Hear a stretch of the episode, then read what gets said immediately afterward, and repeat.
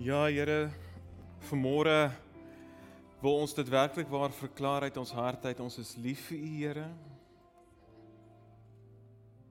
Ons is lief vir U. En ons bedoel dit wanneer ons dit sê, Here.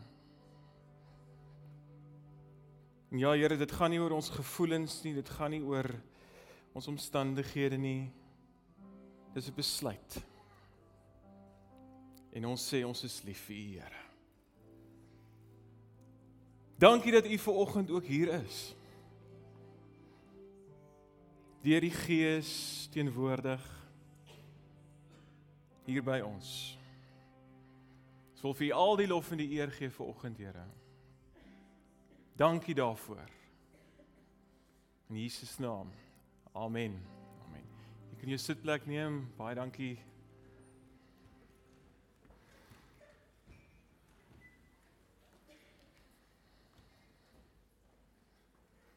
Ja, goeiemôre almal. Ek hoop dit gaan goed met almal. Vertrou dit gaan goed met almal. Dit is vir my 'n voorreg om vandag weer met jou die woord van God te kan deel en ek bedoel dit wanneer ek dit sê dat ek wil met jou die woord van God deel. Nie wat ek te sê het nie, maar wat die Here vir ons wil sê vandag. En ek moet vir jou sê ek was lanklaas so opgewonde oor 'n boodskap soos ek voel oor vanoggend se boodskap. Ek glo hierdie is 'n woord vir nou vir hierdie gemeente, nie net vir hierdie gemeente nie vir die Kaap, ek wil amper sê vir Suid-Afrika. Ek glo dis 'n tydige woord wat ek graag met jou vanoggend wil deel. Maar voordat ons begin, ons dink natuurlik met opregte simpatie en uh meelewing vanoggend aan pastoor Piet Venter Junior wat deelneem aan die Table Mountain Challenge. So ligte draffie van 44 km rondom die berg. Ja, dis my oggendroetine, maar nou ja. Uh, kom ons sien. nee, ek het vir Piet gesê, kyk, as jy vir my sou laat deelneem, sou jy nie net 'n ambulans moes reg gehad het nie, jy sou heeltemal 'n lijksval ook moes reg hê. Want ek sou dit beslis nie oorleef het nie. So Ons dink vanoggend aan Piet en ons vertrou sommer dit sal baie goed gaan met hom. As jy jou Bybel saamgebring het, blaai asseblief saam met my na die boek van Rigters. Boek van Rigters, hoofstuk 6. Die sewende boek in jou Bybel in die Ou Testament. Ons gaan lees uit Rigters hoofstuk 6 vers 11 tot 18. Rigters hoofstuk 6 vers 11 tot 18. En as jy nie 'n Bybel by jou het nie, kan jy gerus ook volg op die skerm hier agter. Ek lees uit die nuwe vertaling uit. Die gedeelte wat ons gaan lees word baie keer na verwys as die roeping van Gideon of die Here stuur Gideon. Sê dit ook soms. En kom ons lees dit saam. Daarna het 'n engel van die Here gaan sit onder die groot boom in Ofra wat behoort het aan Joas die Abiesriet. Sy seun Gideon was besig om koring uit te slaan in 'n parskyp waar hy weggekruip het vir die Midianiete. Die engel van die Here het aan hom verskyn en vir hom gesê: "Die Here is by jou, dapper man." Maar Gideon het vir die engel gesê: "Ekskuus, meneer. Maar as die Here by ons is, waarom kom al hierdie dinge oor ons?" Waar is al sy magtige dade waarvan ons voorvaders ons vertel het toe hulle gesê het, het die Here ons nie uit Egipte bevry nie. Nou het die Here ons in die steek gelaat. Hy het ons oorgegee in die mag van die Midianiete. Toe het die Here na Gideon toe gedraai en vir hom gesê: "Gaan met die krag wat jy het en gaan red die Israeliete uit die mag van die Midianiete. Toe ek stuur jou." Maar Gideon sê vir hom: "Ekskuus meneer, waarmee sal ek die Israeliete gaan red?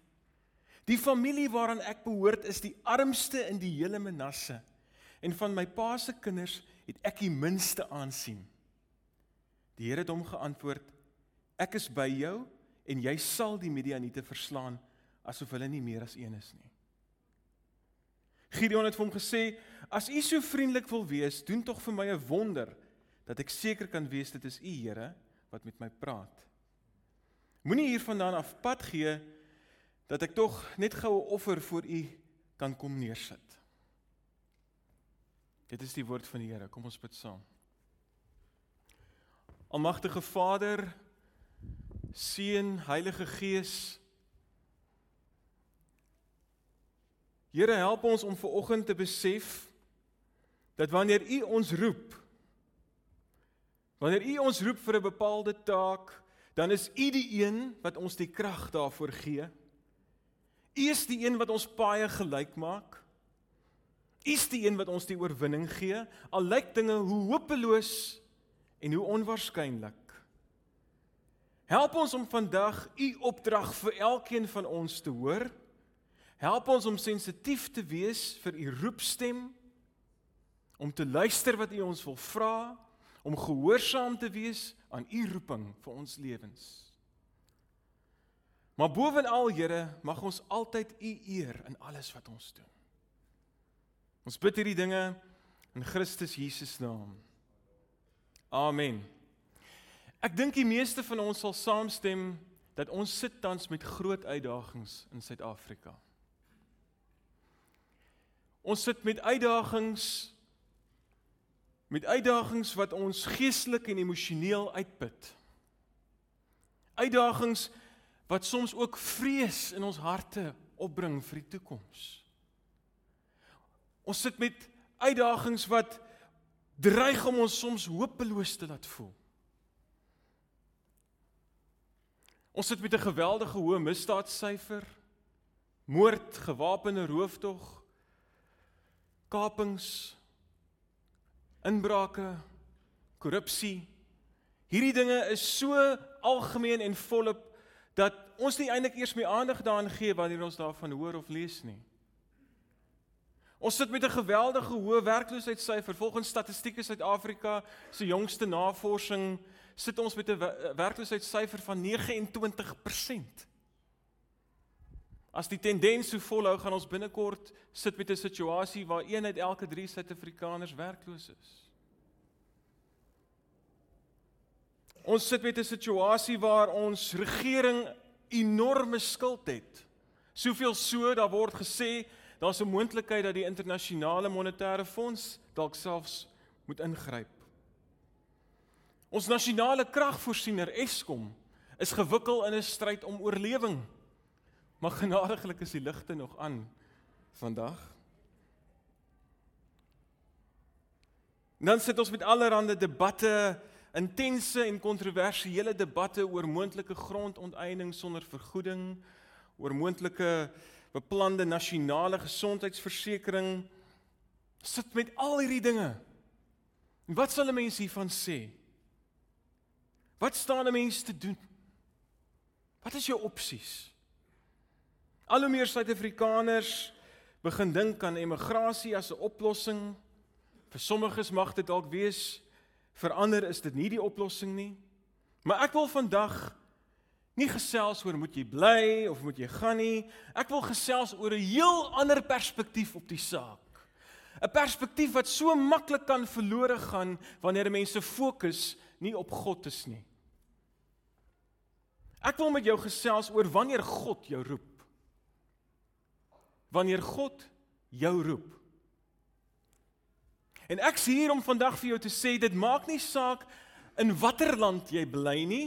Dit maak nie saak hoe swak en hoe oorweldig jy voel nie. Dit maak nie saak hoe sleg jou omstandighede is nie. Dit maak nie saak wat aan die gang is nie. Wanneer God jou roep, sal niks jou kan keer nie. Geen misdaadsyfer, geen werkloosheidssyfer, geen ekonomiese verslag Geen kontroversiële wetgewing kan jou stop wanneer God jou roep nie. Wanneer God jou roep, is jy onkeerbaar. En wat bedoel ek met die woord roep? Die Bybel onderskei basies tussen twee verskillende forme van roeping in 'n Christen se lewe. Daar's eerstens 'n algemene roeping wat geld vir alle Christene. So wat is hierdie algemene roeping? Alle Christene word geroep om te vertrou in Jesus Christus alleen. Alle Christene word geroep tot heiligmaking. Alle Christene word geroep om hulle medemens en vir God lief te hê. Alle Christene word geroep tot gehoorsaamheid aan God. Hierdie is alles aspekte van die algemene roeping wat geld vir alle Christene. Maak nie saak wie of wat jy is nie. Daar's 'n algemene roeping wat vir ons almal geld. Maar dan is daar ook in die Bybel 'n spesifieke roeping. Daar's 'n spesifieke roeping wat ook uitkom. In Genesis 12 byvoorbeeld sien ons gee die Here Abraham 'n spesifieke roeping: "Verlaat jou vaderland en word die vader van 'n menigte nasies." In Eksodus 3 gee die Here Moses 'n spesifieke roeping: "Bevry my mense van slawerny in Egipte." In Rigter 6 gee die Here Gideon 'n spesifieke roeping: "Gaan red die Israeliete uit die mag van die Midianiete." En soos daar baie ander voorbeelde ook in die Bybel van 'n spesifieke roeping wat die Here vir iemand gee. En ek wil vanoggend met jou gesels oor daai spesifieke roeping in jou en my lewe. Die roeping van Gideon in Rigters 6 bied vir ons 'n paar kernwaarhede of beginsels oor God se roeping in ons lewens. Gideon en sy mede-Israeliete bevind hulle self in 'n baie slegte situasie. Hulle was ontrou aan die Here gewees en die Here laat toe dat hulle onder die mag van die Midianiete kom. En Israel kry geweldig swaar onder die Midianiete. En te midde hiervan roep die Here vir Gideon 'n man wat besig is om weg te kruip. Wat vol vrees is. Wat vol twyfel in God is. Die Here roep so 'n man om Israel se militêre leier te word. So 'n man. Nou ek vra jou, wat kan 'n mens leer van so 'n man? Hoe verstaan mens dit? Hoe kan so 'n persoon 'n voorbeeld wees van God se roeping in ons lewens? Tog wil ek vir jou sê ek is absoluut oortuig Die Here wil ver oggend Gideon se lewe gebruik om ons 'n paar belangrike aspekte oor ons roeping te leer. Ek sien in Gideon se roeping 5 kernbeginsels oor hoe om God se roeping in ons lewens te verstaan. 5 kernbeginsels wat ons kan help om doelgerig vorentoe te beweeg met die roeping wat die Here vir ons gegee het. So kom ons gaan kyk saam na hierdie vyf kernbeginsels en jy kan my die hele tyd daai teksgedeelte oophou as jy wil in Rigter 6.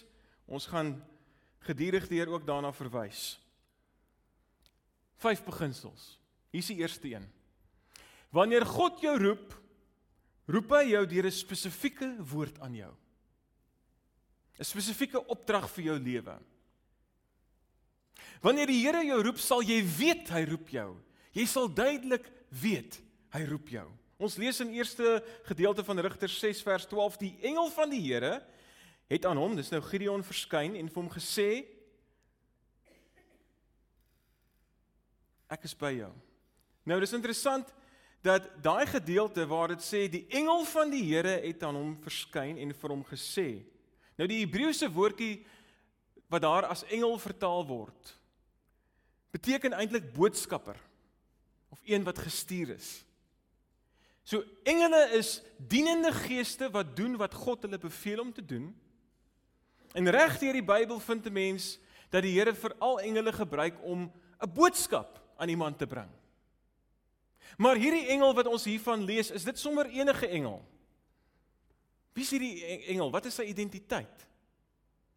Wel alhoewel Gideon dit nog nie weet nie, hierdie is sommer net enige engel nie. Hierdie is God self wat in die vorm van 'n engel na Gideon toe gekom het. God self kom na hom te midde van sy stryd en swaar kry kom God persoonlik na Gideon met 'n boodskap. 'n Boodskap met 'n roeping vir sy lewe. Nou ek besef van julle mag dalk vir my sê vanoggend maar nou dis wonderlik dat die Here op so 'n manier met Gideon gekommunikeer het. Dis fantasties. Maar maar nou, die Here het nog nooit aan my 'n engel gestuur nie of wat nog te sê dat hy self aan my verskyn het. Nee. Maar nou so, ek weet nie, wat wil hy vir my sê? Wel ek wil jou antwoord deur te sê die Here praat nie met almal op dieselfde manier nie. Ons moenie dink dat omdat die Here op so 'n manier met Gideon gepraat het, gaan hy met ons ook so praat nie. Elkeen van ons se situasies is uniek. En hy praat op 'n unieke manier met elkeen van ons. So ons moenie verwag dat hy soos met Moses of met Elia of met Gideon, Gideon met ons gaan praat nie. Hy gaan met ons in ons unieke omstandighede praat. So dis 'n belangrike ding om te sê. Maar dan wil ek ook vir jou sê dat baie keer dink ons die Here moet nou op so bonatuurlike maniere met ons kom praat en dit is sodat die Here nog soms hier en daar sal hy deur 'n engel met iemand praat of hier en daar deur 'n profetiese woord met iemand praat. Maar die egte verskynsels daarvan is maar min. Die voorkoms van daardie tipe roeping is min. Wil jy weet waar die Here die meeste van die tyd met ons praat? Waardeur praat hy meeste van die tyd met ons? Hierdie Bybel wat ek in my hand hou. Die woord van God. Dis hoe die Here die meeste van die tyd met ons praat. So wanneer iemand vir my vra, "Maar nou, hoe gaan ek die Here se roeping vir my lewe ontdek?" dan wil ek antwoord: Lees jou Bybel. Spandeer tyd met die woord van God. Dis wanneer jy begin om elke dag getrou die woord van God te lees, te oordink, te bestudeer, dat jy sy spesifieke roeping vir jou lewe sal ontdek. Daai vrae waarmee jy worstel. Daai antwoorde waarna jy soek. Die Here sal jou persoonlik kom ontmoet in sy woord. Wees baie versigtig vir kerke en ek sê dit met alle respek. Wees baie versigtig vir kerke wat vir jou sê hierdie Sondag is so en so profeet daar en hy sal al jou antwoorde, al jou vrae vir jou kom beantwoord. Wees versigtig daarvoor. Want die meeste van die tyd werk die Here nie so nie. Hy werk deur sy woord. Deur sy woord werk hy met ons. En sy Heilige Gees praat met ons in sy woord. Gewoonlik is dit nie 'n hoorbare stem nie, dit kan soms wees. Maar gewoonlik is dit hierdie innerlike fluistering wat jy diep in jou ervaar. En jy sal weet dat jy weet dat jy weet God praat met jou. Maar dan is daar 'n ander vraag natuurlik. Is die Here se spesifieke roeping altyd duidelik van die begin af? Is dit altyd duidelik van die begin af? Wel, in Gideon se geval het die Here van die begin af duidelik gesê wat hy moes doen. Ons lees in Rigters 6 vers 14: "Gaan met die krag wat jy het en gaan red die Israeliete uit die mag van die Midianiete." So Gideon se roeping was baie spesifiek en duidelik gewees van die begin af. Maar die Here werk nie altyd so nie. Soms gee die Here jou 'n opdrag om iets te doen en jy verstaan nie onmiddellik waaroor dit gaan nie. Eers met die verloop van tyd word dit vir jou duidelik waarom jy moes doen wat hy jou gevra het om te doen. Ons sien byvoorbeeld 'n voorbeeld hiervan in die lewe van Moeder Teresa. Op 18 jarige ouderdom ervaar sy 'n roeping van die Here om 'n sendeling te word. En sy gee gehoor aan daai roeping en sy gaan studeer om 'n sendeling te word, om spesifiek onderwys te gee in die sending. En sy gaan werk in Kolkata in Indië en vir 20 jaar lank, vir 20 jaar lank werk sy as 'n onderwyseres. Nie baie mense weet dit nie, maar 20 jaar lank werk sy as 'n onderwyseres.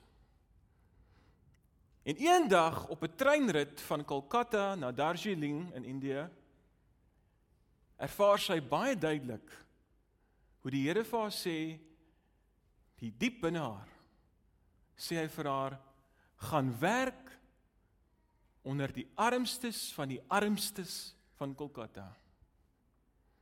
Los die onderwys en gaan werk onder die armstes van die armstes. En sy doen dit. En soos hulle sê altyd the rest is history. Wanneer God jou roep, roep hy jou deur 'n persoonlike boodskap en gewoonlik deur sy woord. Maar die detail van daai roeping, die spesifieke inhoud van daai roeping word baie keer eers duidelik aan jou oor die verloop van tyd. Maar hy roep jou met 'n spesifieke woord. Maar daar's 'n tweede beginsel in Gideon se roeping. Wanneer God jou roep, is hy reeds by jou. Nou, dit klink dalk vreemd om dit te sê, maar dit is belangrik dat ek en jy dit vandag besef dat wanneer die Here ons roep, is hy reeds by ons. Die engel van die Here se heel eerste aan Gideon het niks met Gideon self te doen gehad nie. Niks. Die engel van die Here begin sy boodskap met hierdie woorde: Die Here is by jou. Hierdie woorde is natuurlik baie ironies want Gideon het op daai stadium glad nie gedink die Here is by hom nie. Allermins Gideon was so vasgevang in sy slegte omstandighede. Hy was so vasgevang in die dinge wat verkeerd is rondom hom dat hy nie vir 'n oomblik gedink dat God by hom is nie. Hier sy besig om die bietjie koring wat hy het bymekaar te maak in 'n parskyp terwyl hy wegkruip vir die Midianiete, daar was absoluut niks oor hierdie situasie wat gelyk het asof God hier in kan wees nie.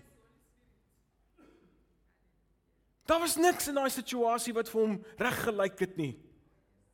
Daar het niks goddelik of heilig heilig vir hom gelyk nie, niks. Gideon kon glad nie sien hoe God by hom kan wees as dinge lyk soos wat dit lyk nie. Maar wat van jou? Hoe lyk van dinge vandag in jou lewe? Besef jy God is by jou? Besef jy dit?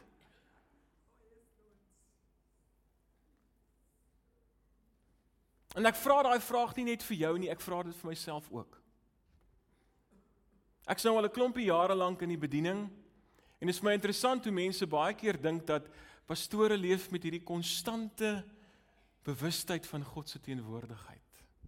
Asof asof ons in hierdie verhewe geestelike dimensie leef, ons word in die oggend wakker en daar staan koorengele rondom ons bed. En hulle begin sing handel se haleluja, haleluja, haleluja, haleluja. Ek weet die Alicia dalk is dit vir jou so. maar ek kan jou verseker in my geval dis beslis nie so nie. Om die waarheid te sê, daar's baie keer wat ek nog vra, Here, waar is U? Here, waar is U? In my bediening, in my lewe. Waar is U? Hoekom sit ek nog met daai probleem? Hoekom is hierdie kwessie nog deel van my lewe? Here, waar is U? Maar is in hierdie donker tye van ons lewens wat God keer op keer met sy stil, sagte stem kom en hy sê ek is by jou.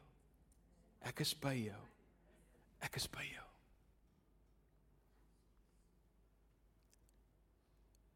Ek glo daar's vandag baie mense wat hierdie woorde moet hoor. Mense wat hier sit. Mense wat hierdie boodskap gaan luister. Ek is by jou. Daar's 'n derde beginsel wat Gideon se roeping ons leer. Wanneer God jou roep, sien hy die persoon wat jy gaan wees en nie die persoon wat jy tans is nie. Dan kom ek verduidelik. Ek gaan dit weer sê. Wanneer God jou roep, sien hy die persoon wat jy gaan wees, die persoon wat jy gaan wees wanneer hy deur die krag van sy Heilige Gees klaar is met jou, wanneer hy klaar sy werk in jou lewe gedoen het, hy sien daai persoon. Nie die persoon wat jy op die oomblik is nie. Hy sien wie jy gaan wees wanneer hy klaar is met jou. Dis die persoon wat hy sien. Kyk bietjie saam met my in Rigters 6 vers 12. Wat noem die engel van die Here vir Gideon? Lafhart? Bangbroek? Dapper muis? Nee. Die engel van die Here, die Here self noem vir Gideon dapper man. Dink vir 'n oomblik daaroor. Dapper man. Nou hier's my vraag, was daar enige iets in Gideon se lewe op daai stadium, enige iets wat 'n aanduiding was dat hy dapperheid as 'n karaktertrek het? Was daar enigiets in hom gewees wat aangedui het dat hy 'n dapper man is? Nee. Inteendeel, alles het daarop gedui dat hy vreesagtig en ongelowig is. Toe die roeping van die Here na hom kom, is hy nie besig om soos Rambo in die midde van die gevaar in te hardloop nie. Nee, hy's besig om ander kant toe te hardloop. Weg van die vyand af, weg van die gevaar af. Die dapper man is besig om weg te hardloop.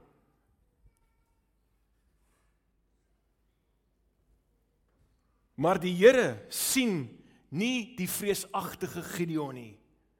Hy sien die dapper man. Hy sien die sterk militêre leier, die een wat vreesloos sy volk gaan lei. God sien die man wat Gideon gaan wees wanneer hy met hom klaar is en nie die man wat Gideon tans is nie. Hierdie is 'n woord vir jou vandag. Jy kyk na jouself en al wat jy sien is mislukking. Al wat jy sien is onsekerheid en vrees. Al wat jy sien is die persoon wie se lewensdrome aan skerwe lê. Dis al wat jy sien. Maar God kyk na jou. Maar God kyk na jou. En hy sien 'n dapper man. Hy sien 'n dapper vrou. Hy kyk na jou en hy sien die persoon wat 'n suksesvolle besigheid gaan begin. Jy weet wie jy is. God is nog nie klaar met jou nie. Hy sien die persoon wat 'n groot leier hier in Suid-Afrika gaan word. Jy weet wie jy is. God is nog nie klaar met jou nie. Hy sien die persoon wat nog 'n massiewe impak op sy koninkryk gaan maak. Jy weet wie jy is. God is nog nie klaar met jou nie. Al lyk dinge hoe sleg. Al voel jy hoe onbeholpe.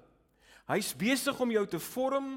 Hy's besig om sy spesifieke roeping in jou lewe te vorm.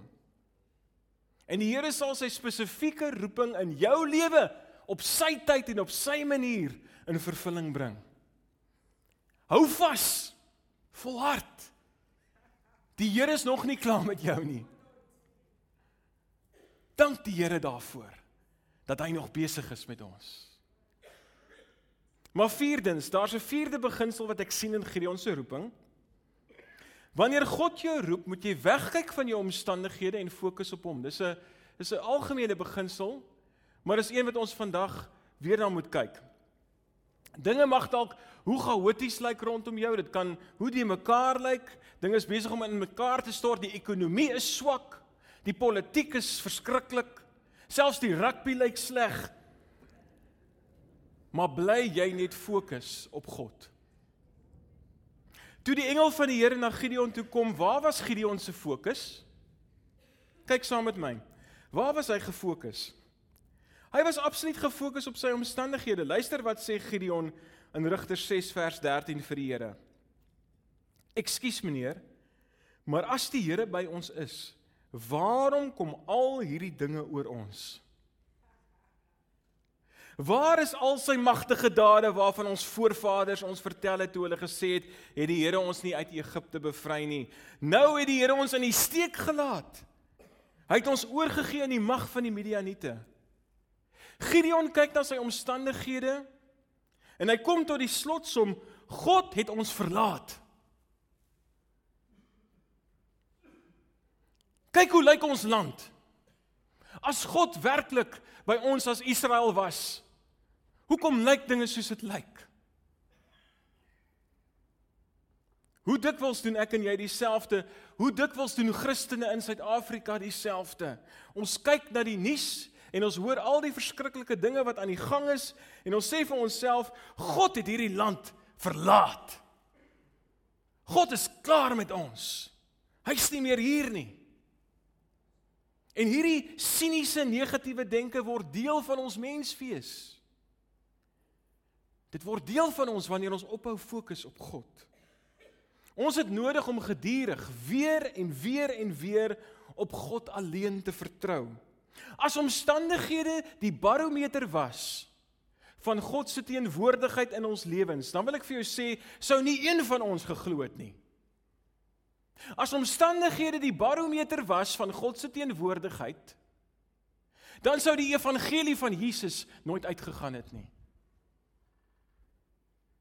Dan sou die manne en vroue wat die evangelie na verskillende wêrelddele geneem het, hulle sou nooit gedoen het wat hulle gedoen het nie. As hulle moes gekyk het na hulle omstandighede en gesien het al die verskriklike dinge wat aan die gang is rondom hulle hoe moeilik dinge lyk sou hulle nooit gedoen het wat hulle gedoen het nie. Die evangelie sou nooit uitgegaan het nie. Dink maar byvoorbeeld aan die storie van die Christendom in Japan In 1549 kom die eerste Christen sendelinge in Japan aan. En vir die eerste paar jaar, eintlik die eerste paar dekades, het hulle groot sukses. Baie Japaneese gee hulle lewe vir Jesus. En die kerk groei in daai eerste klompie jare. Dit groei mooi. Maar toe begin die Japaneese owerhede agterkom wat aangaan En weens verskeie redes besluit hulle nee. Hierdie kan nie verder so aangaan nie en hulle begin al hoe meer die kerk onderdruk. Hulle begin al hoe meer die kerk vervolg tot so 'n mate dat die Christelike kerk op die ou end verban word in Japan. En op die 5de Februarie 1597 word 26 Christene gekruisig en deurboor met spiese in Nagasaki, Japan.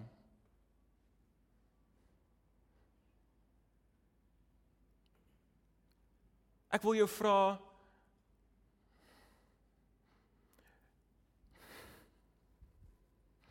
Toe daai manne en vroue aan die kruis hang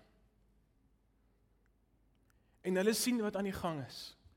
Dink jy daar was by hulle enige aanduiding dat die kerk gaan bly voortleef.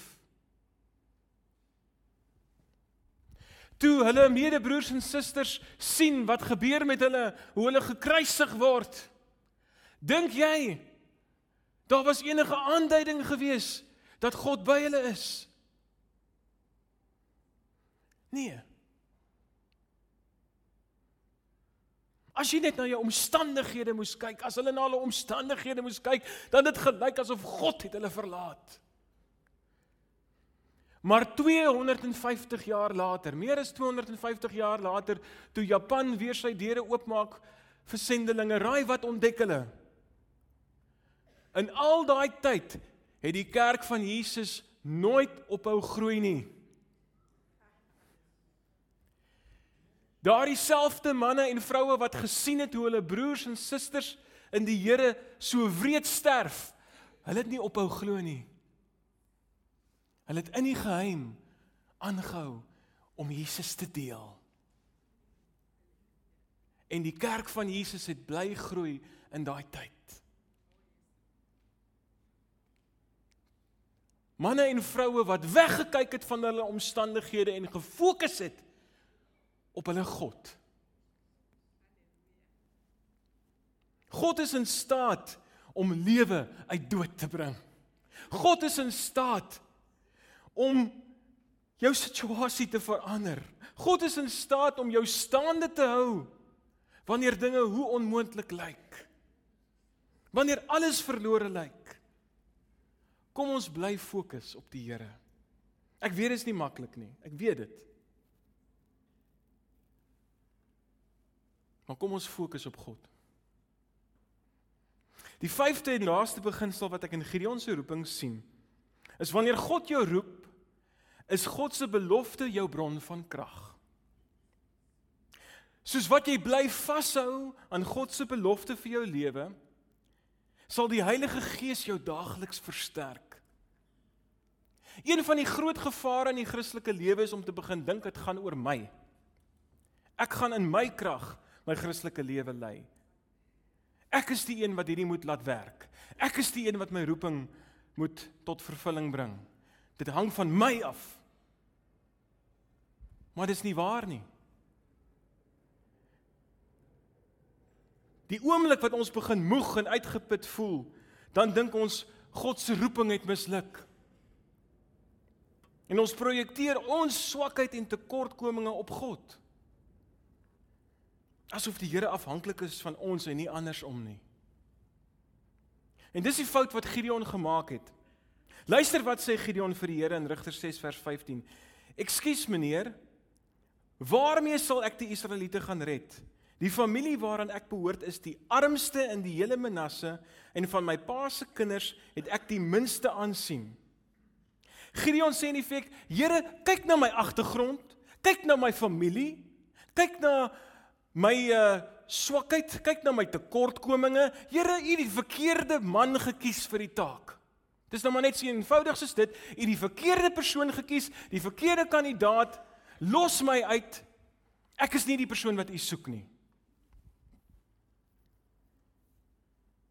Maar Gideon se perspektief was natuurlik verkeerd. Hy het vergeet dat God se beloftes deur God self waargemaak word. Die Here gee vir Gideon in Rigters 6 vers 16 hierdie belofte. Luister hierdie belofte. Ek is by jou en jy sal die Midianiete verslaan asof hulle nie meer as een is nie. Die Here sê Gideon, jou krag lê in my belofte. Omdat ek gesê dit sal so wees Gideon, sal dit so wees. Niks of niemand sal die krag van my belofte kan stop nie, Gideon. Gideon moes dit hoor en vandag moet ek en jy dit ook hoor. Die sukses van God se beloftes in ons lewens hang nie van ons af nie. Dit hang van God af. Dit gaan nie oor hoe wonderlik, hoe talentvol, hoe sterk, hoe groot, hoe fantasties ek en jy is nie. Nee. Want ons is nie. Voor die grootheid en almag van God is ons niks. Ons is niks vir hom.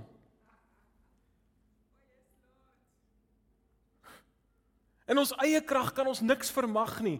In ons eie krag is selfs ons beste pogings nutteloos. Die vervulling van God se beloftes is vas en seker omdat God God is. Omdat God wonderbaar, raadsman, sterke God, ewige Vader, vredevors is soos Jesaja 9 sê, dis omdat hy God is wat ons kan seker wees van sy belofte. Ons lees in Rigters hoofstuk 7 hoe die Here sy belofte aan Gideon waarmaak. Jy kan dit gerus gaan lees wanneer jy 'n kans het. So in Rigters 7 dan lees ons Gideon maak 32000 manne bymekaar. So hy het nou uiteindelik het hy nou besluit, okay, hy gaan nou hy gaan nou luister wat die Here vir hom gesê het. maar nog steeds gebruik hy sy eie wysheid. So hy maak 32000 manne bymekaar en hy sê vir homself, "Oké. Okay, die Midianiete is 135000. Met 32000 manne staan ek daar 'n soort van nog 'n kans." Dis nou hoe mense redeneer. Maar die Here sê vir hom Gideon, "Nee, As jy met daai 32000 manne gaan, dan gaan jy dalk nog dink as jy wat dit gedoen het. Kom ons verminder die getal met 22000 minder. En dit gaan af na 10000 toe. En Gideon dink by homself, "Okay, 10000. Ja, dis dis dis dat 'n long shot hierdie. Maar miskien staan ons nog 'n kans met 10000." En die Here weet hoe redeneer hy en hy sê vir hom, "Ons bring daai getal nog 'n bietjie verder af, Gideon." na 300. 300 Israeliese manne teen 135000 Midianitiese manne. Hoe klink dit vir jou Gideon? Klink dit na 'n wenresep? Gideon moes sekerlik gedink het, ag nee wat. Ek kan maar by die huis bly. Hierdie saak is totaal verlore. Maar as jy die storie gaan lees en baie van ons ken die verhaal, jy sal sien dat God, die almagtige God van Israel, gee vir Israel met 300 manne oorwinning oor 'n weermag van 135000 manne. God kom doen die onmoontlike want hy is God. En hy sal nie sy eer met iemand deel nie. Wanneer God 'n werk kom doen, kom doen God 'n werk. En hy sal kom wys hoe groot en sterk en almagtig hy is.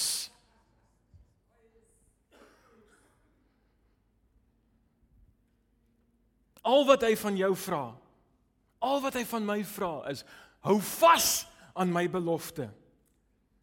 Hou vas aan my belofte. Wanneer God jou roep, is God se belofte jou bron van krag, omdat jy weet wat hierdie God kan doen, wat hy al gedoen het in die verlede, wat hy al in jou lewe gedoen het deur die jare. Jy weet wie hierdie God is. Hou aan daai God vas. Dis in sy krag wat jou oorwinning lê. Nie in joune nie. Sy belofte is jou bron van krag. So, ek wil jou bemoedig. Daai spesifieke roeping wat die Here jou gegee het of wat die Here besig is om te vorm in jou lewe, wees gehoorsaam aan God se roepstem. Luister na sy opdrag. Die Here is reeds by jou. Hy's besig om jou te vorm. Hy's besig om daai roeping in jou lewe te vorm. Moenie fokus op jou omstandighede nie, fokus op die Here. Moenie verskonings maak nie. Hou vas aan sy belofte. Want die Here ons God, hy sal in sy tyd, op sy manier, sy belofte in jou lewe kom waarmaak. Kom ons bid saam. Almagtige God en Vader, dankie dat U vandag duidelik met elkeen van ons gepraat het oor die roeping in ons lewens. Here dat U vir ons kom sê het wees getrou Luister na die woord wat ek vir jou gegee het oor jou lewe. En onthou, my kind, dit hang nie van jou af nie. Dit hang van my af. Ek is by jou. Ek is by jou. Ek is by jou. En ek sal op my tyd en op my manier sal ek daai roeping in jou lewe vervul. En jy sal getuig van die groot dinge wat die Here in jou lewe gedoen het.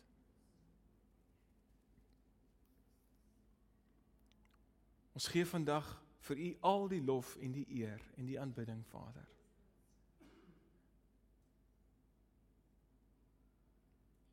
Help ons om te luister na u roepstem. Help ons om gehoorsaam te wees. Al vat dit tyd. U sal u woord kom waarmaak in ons lewens. Dankie daarvoor, Here. In Christus Jesus naam. Amen.